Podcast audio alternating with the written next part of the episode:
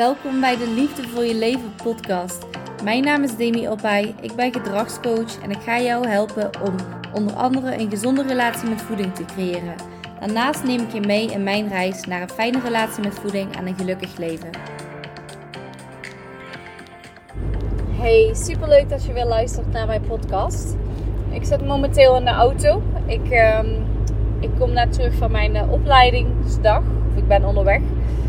Ik ben uh, in september gestart aan een nieuwe opleiding tot psychodynamisch therapeut. En uh, je zal je vast wel afvragen, wat houdt dat in? Nou, vandaag hebben we de tweede lesdag van uh, hypnotherapie gehad, van hypnose. En ik was er eigenlijk eerst super sceptisch over. Maar omdat ik dit jaar zelf natuurlijk al twee hypnosebehandelingen gehad heb, um, heb ik het ervaren. En ook ervaren dat het echt werkt. Uh, mits je een goede therapeut hebt natuurlijk en je ervoor open staat, anders werkt het niet. Um, normaal blijf ik in een hotel slapen, omdat ik dan morgen weer terug moet. Maar ik voelde gewoon even aan alles dat ik naar huis wilde en even geen behoefte had om in een hotel te slapen. Dus ik ben, uh, ja, ik heb het hotel gecanceld, gelukkig kosteloos. En ik rijd morgen gewoon weer opnieuw uh, terug naar huis. Ik ga voor de eerste keer nu een podcast opnemen in de auto. Dus ik moet tussendoor even op de weg letten. Um, ja, dus ja, dat wil ik eigenlijk eventjes vertellen. Vandaag hebben we dus een lesdag gehad uh, hypnotherapie. Super interessant, want we gaan echt heel snel. En soms misschien iets te snel. Um, dus ook elkaar in hypnose brengen. Daar verschillende technieken uh, op toepassen. En dat moeten we ook heel veel gaan oefenen. Dus uh, mocht je in ieder geval proefpersoon willen zijn... en zou je het leuk vinden dat ik op jou mag oefenen met hypnotherapie dan uh, laat het me vooral eventjes weten. En ook als je nog wat meer wil weten over de inhoud ervan. Nou, waar ik vandaag een podcast over op wil nemen. Ik wil het eventjes hebben over, uh, nou, over eetgedrag, eetbuien.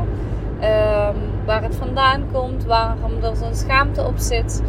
Um, ik heb uh, de laatste week heb ik best wel wat intakegesprekjes gehad met nieuwe klanten, potentiële nieuwe klanten en met huidige klanten, cliënten. Uh, waar toch wel dat onderwerp bij iedereen uh, naar boven kwam. Dat waar het vandaan komt, is toch heel vaak uh, de opvoeding. En daarmee wil ik niet zeggen dat ouders het bewust doen, want ouders hebben altijd, ehm, willen altijd het beste voor het kind. Dus vanuit de liefde voor het kind. En, maar als ze zelf bijvoorbeeld nog bepaald dieetgedrag vertonen, een negatief zelfbeeld hebben, uh, ja, continu bezig zijn met voeding, uh, dan neemt het kind het natuurlijk over. Um, genetisch, maar ook uh, het gedrag wat hij ziet en kopieert uiteindelijk. Dus ik zie heel veel cliënten die bij mij zitten um, om af te vallen. Die struggelen allemaal met eetbuien. En de overeenkomst bij eigenlijk bijna iedereen komt toch wel dat vaak problematiek eigenlijk ontstaan is vanuit de opvoeding. Dat bijvoorbeeld vroeger, um, ik had dus een uh, afspraak met iemand en zij vertelde dus dat vroeger heel erg gewezen werd op hoeveel weeg je nu eigenlijk, ben je afgevallen, wat je eet is niet goed, um, ja, noem maar op. Of wat je ook heel vaak hoort is bijvoorbeeld, um, oh mama, mama mag het niet eten want dan wordt ze dik. Dus al die kleine opmerkingen komen eigenlijk onbewust uh, bij je kind of bij jou, als je ouders dat verteld hebben, naar binnen. Um, en dat kan er uiteindelijk voor zorgen dat je een eetstoornis krijgt of andere problematiek, een negatief zelfbeeld, et cetera. Um, ja, dus stel je hebt kinderen of je wilt kinderen.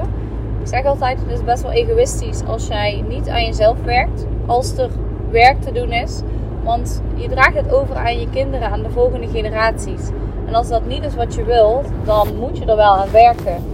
Um, dus heb jij bijvoorbeeld een negatief zelfbeeld, last van eetbuien, um, te veel focus op gewicht, dat je dat koppelt aan hoe je je voelt, dan, nou, dan is het sowieso wel belangrijk om aan te werken. Dat weet je zelf natuurlijk ook wel. Maar wat dus heel vaak gebeurt, is dat je het vertrouwen een beetje kwijtraakt. En dat is dus wat ik ook heel vaak terughoor. De twijfel, bijvoorbeeld bij een intakegesprek, van waarom zou het nu wel lukken? Ik heb al zoveel diëtisten gehad. Ik ben al bij psychologen geweest. Het heeft niet gewerkt, dus waarom zou het nu wel lukken? Ehm, nou, dat is inderdaad een hele goede vraag. En het is ook heel logisch dat je dan heel sceptisch uh, daarna gaat kijken. Maar ja, het, het kan natuurlijk verschillende redenen hebben. Het kan zijn dat je bijvoorbeeld een uh, diëtist hebt gehad die nog steeds met jou heel erg bezig was van dit mag je wel eten, dit moet je doen, dit moet je niet doen. En dan ben je nog steeds heel erg aan denken in restricties. Um, met goed en fout. En een voorbeeld daarvan is bijvoorbeeld um, als jij tegen jezelf zegt ik mag geen chocola of de diëtist zegt dit mag niet. Jouw, onderbewustzijn kent geen ontkenning. Dus als je zegt ik wil niet chocola eten, je onderbewustzijn ziet het woord niet niet. Je ziet alleen chocola eten en daar gaat het al fout. Uh, als jij tegen jezelf zegt: Ik mag niet huilen, niet huilen, niet huilen, niet huilen, wat gebeurt er dan? Je denkt aan huilen. Je onderbewustzijn ziet het woordje niet, niet. dus ja, dat is wat ik heel veel bij, diëtisten zie. En ik wil niet zeggen dat, uh, dat er geen goede diëtisten zijn, maar voor dit probleem is het niet zo handig als je, denkt, eh, als je moet denken in goed en fout. Als je denkt in de restricties, noem maar op. Dus het kan zijn dat je een diëtist hebt gehad die ja, gewoon niet voor jou heeft gewerkt. Het kan zijn dat je ehm, bij een psycholoog bent geweest en dat ze echt kijken naar de onderliggende problemen. Maar dat het bij jou bijvoorbeeld een stukje kennis is wat er ontbreekt.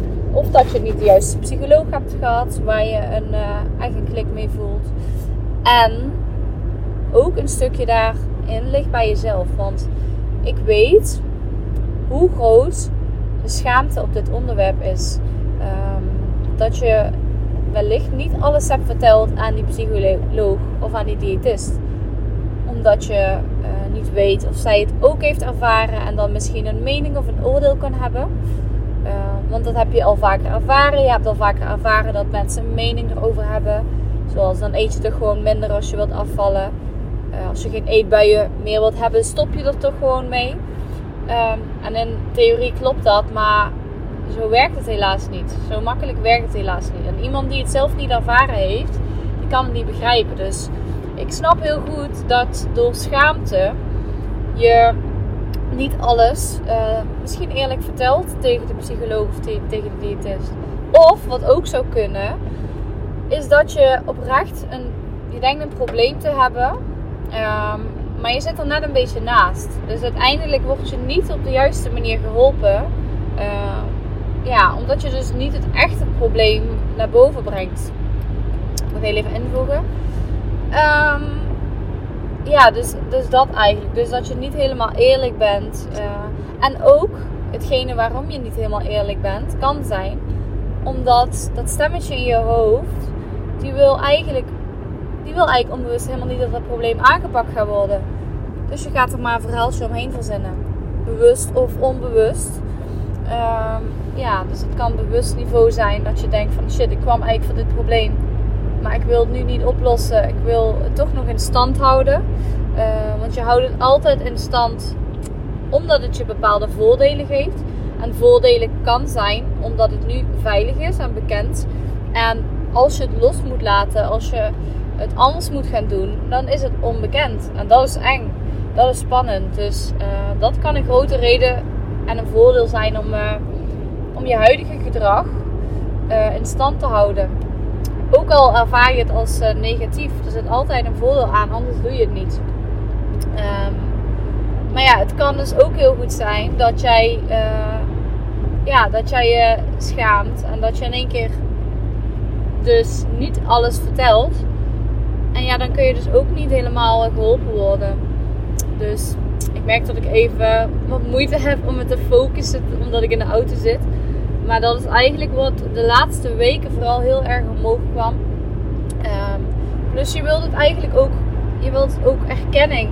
Je wilt erkenning dat het normaal is. Uh, je wilt niet anders zijn dan anderen. En ja, daarom maak je het vaak mooier dan dat het is naar de buitenwereld.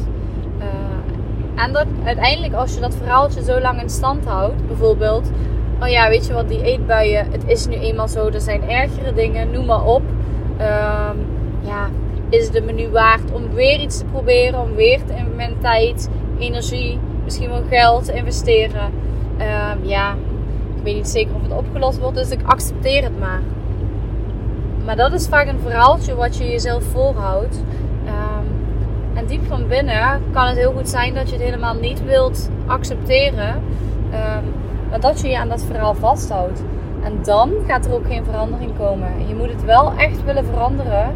Um, anders ja, blijf je eigenlijk stilstaan. Want ik geloof niet, omdat ik het zelf ervaren heb. Ik geloof niet dat jij je prettig voelt bij eetbuien. En dat je dat wilt accepteren geloof wel dat je denkt dat je het moet accepteren omdat je denkt dat je alles al hebt geprobeerd. Um, maar ik kan je ook heel eerlijk zeggen, ik dacht dat ook vroeger. Ik heb echt acht jaar eetbuien gehad en ik vond het vreselijk om vakantie te hebben. Want dan, dan kwam, had ik tijd voor mijn gedachten. Mijn gedachten over eten, over hoe ik eruit zag, over mijn zelfbeeld. Dus ik ging altijd maar door en door en door. En ik zocht afleiding en ik wilde iets te doen hebben, want anders werd ik helemaal gek. Um, als ik op een verjaardag was, zat ik de hele tijd in mijn hoofd. Uh, zou het opvallen als ik nog een stukje taart pak? Of zouden mensen dan denken dat ik een probleem heb? Uh, want dat denken, dat, dat, dat komt uh, omdat ik dat zelf denk. Ben ik bang dat anderen dat denken. Dus daar zit een kern van waarheid in. bijvoorbeeld. Hmm, zou ik nog vijf minuutjes wachten met de borrelhapjes pakken? Of zal ik gewoon niks pakken? Want dan lijkt het alsof ik gezond bezig ben. Dan valt het ook niet op dat ik een probleem heb. Gewoon, het, slaat eigenlijk helemaal nergens op als je er niet zo op terugkijkt. Maar continu dacht ik dat mensen daar om het letten waren. En dat, dat, dat ze er iets van zouden vinden. En dat is misschien ook. Hè. Mensen vinden altijd wel wat. En dat mag ook. Maar zodra ik uh, zodra het mij raakt dat ze daar iets van vinden, betekent dat dat, dat er een waarheid in zit. Dus als iemand bijvoorbeeld een grapje maakt over van ben je aangekomen of ben je dik, en het raakt jou en je, je vindt het een belediging, dan betekent dat dat jij daar een kern van waarheid in ziet. Dat jij je te dik voelt. Um, maar goed, in ieder geval, heel vaak is het zo, waar ik dus even op terug wil komen is dat je dus het vertrouwen kwijtraakt in een uh, diëtiste, een coach, een psycholoog, noem maar op. Omdat het eerder niet voor je heeft gewerkt. Maar het wil niet zeggen dat er geen manier is voor jou. Want voor iedereen, ik geloof er echt heilig in, voor iedereen is er een manier. Maar wat wel belangrijk is, um, jij moet wel geloven, of in ieder geval openstaan uh, voor verandering. En dat verandering jou kan helpen. En ik weet zeker dat daar voor iedereen een manier voor is. En ook voor jou. Uh, alleen dat je wellicht de juiste manier nog niet gevonden hebt. En omdat het telkens niet goed genoeg was voor jou, voelt het als falen. En ben je bang om het nog eens te proberen. En dat is het heel vaak. We blijven liever op het negatieve plekje waar we nu staan. In plaats van dat we werken aan iets positievers. Maar dat het mis kan gaan dan heb je voor je gevoel misschien gefaald. Of is het niet goed genoeg? Dat wil je niet. Maar als je het even zo hoort, slaat het eigenlijk toch nergens op. Dat je liever op de negatieve plek blijft waar je nu staat. Ongelukkig, met eetbuien wellicht. Uh, in ieder geval verstoord gedrag, negatief zelfbeeld. Want dat is bekend, dat is veilig. Heeft je tot nu toe nog een leven gehouden. En je weet wat je kan verwachten. Maar als jij in het diepe gaat springen en je weet niet wat je gaat verwachten, welk resultaat eruit gaat komen, dan is dat spannend. Want ja, eigenlijk doet het, zeg maar, uh, het is je identiteit. En als jij gaat veranderen, dan verlies je voor je gevoel een stukje van jouw identiteit. Ondanks dat het negatief is, dat maakt niet uit. Maar wij zijn zo geprogrammeerd om, we willen eigenlijk liefst niet veranderen. We willen eigenlijk het liefst elke dag kopiëren. Vandaag naar morgen, morgen naar overmorgen. Uh, want dat is wat werkt. Dat heeft ons in leven gehouden. En waarom zouden we het anders doen? Dus die verandering is gewoon spannend en eng. Maar het vertrouwen kun je zeker opbouwen. En stel je wilt het eerst zelf gaan doen, is dat ook helemaal oké. Maar zorg eerst dat je dat vertrouwen terugkrijgt. Stukje voor stukje, stap voor stap. Dus bijvoorbeeld door hele kleine afspraken te maken met jezelf. Ehm, ja, die dus behapbaar zijn. Want als jij weer veel te hoge verwachtingen van jezelf hebt, je stelt een veel te hoog doel, hebt een veel te hoge drempel, dan is de kans ook groter dat je faalt, dat je nog meer vertrouwen verliest en dat het vervolgens steeds moeilijker wordt om dat doel te behalen, om dit te overwinnen. Dus oprecht, ik weet, ik weet hoe moeilijk dat is, want je wilt graag alles perfect doen. Als je het doet, dan doe je het ook goed.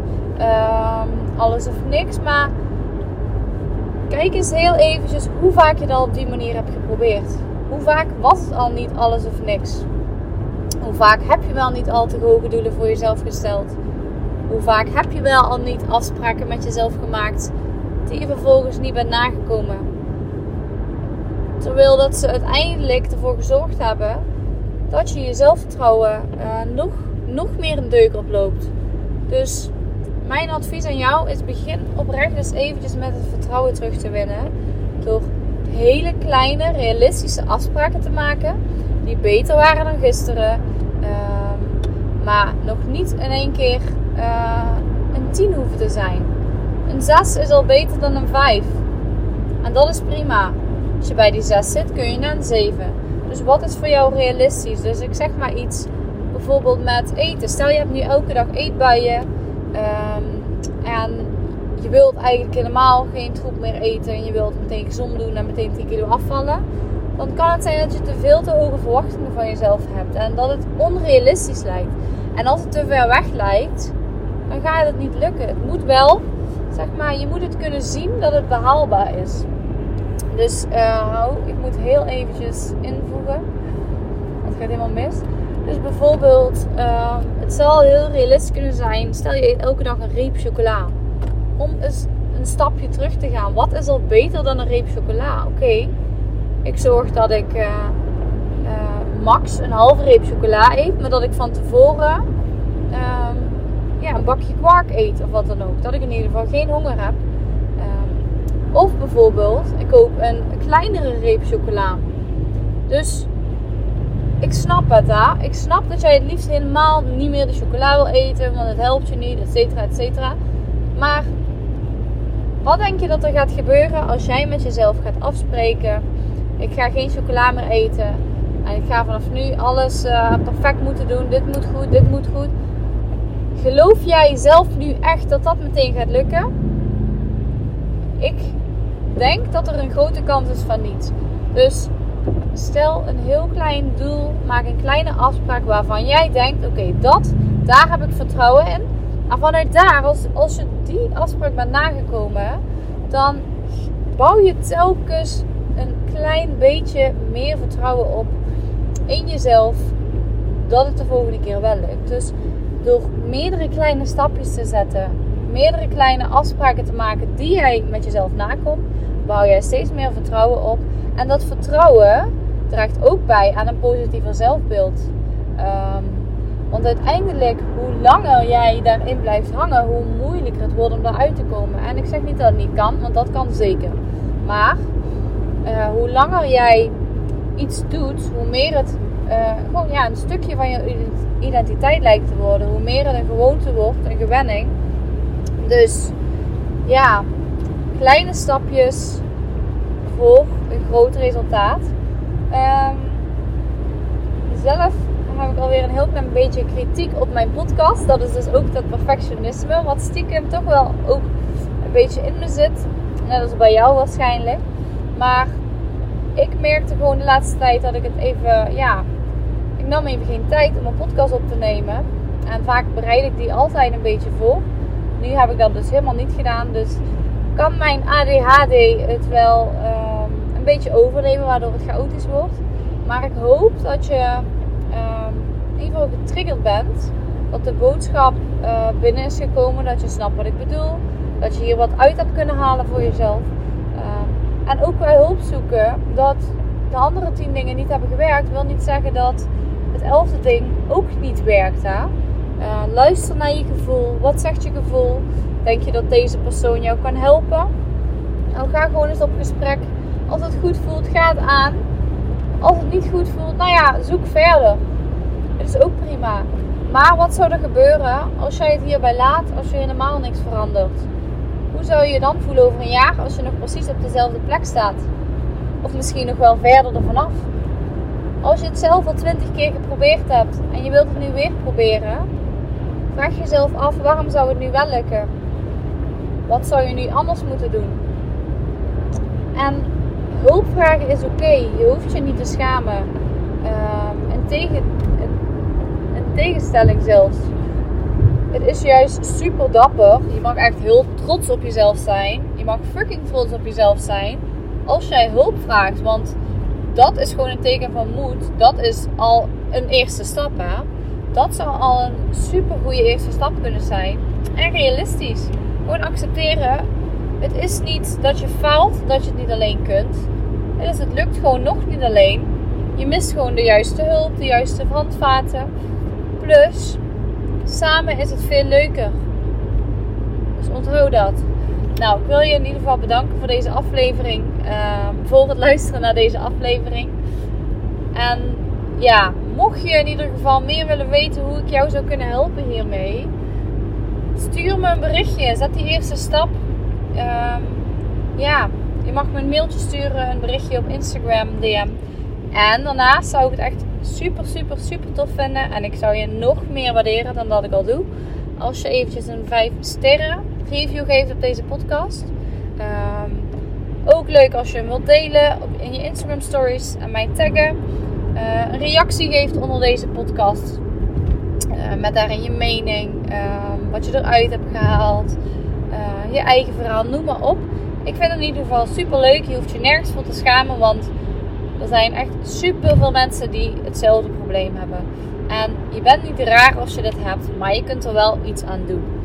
Nou, in ieder geval, ik wens je nog heel veel succes en hopelijk tot snel. Doei doei! Bedankt voor het luisteren naar de Liefde voor je Leven podcast. Volg mij op Instagram op @demiopai en stuur je vraag via DM of mail naar info@deemscoaching.nl. Wil je graag met mij in gesprek over jouw doelen of over een onderwerp in deze podcast? Laat het me weten. Support mij door te abonneren op deze podcast. Tot snel, doei doei!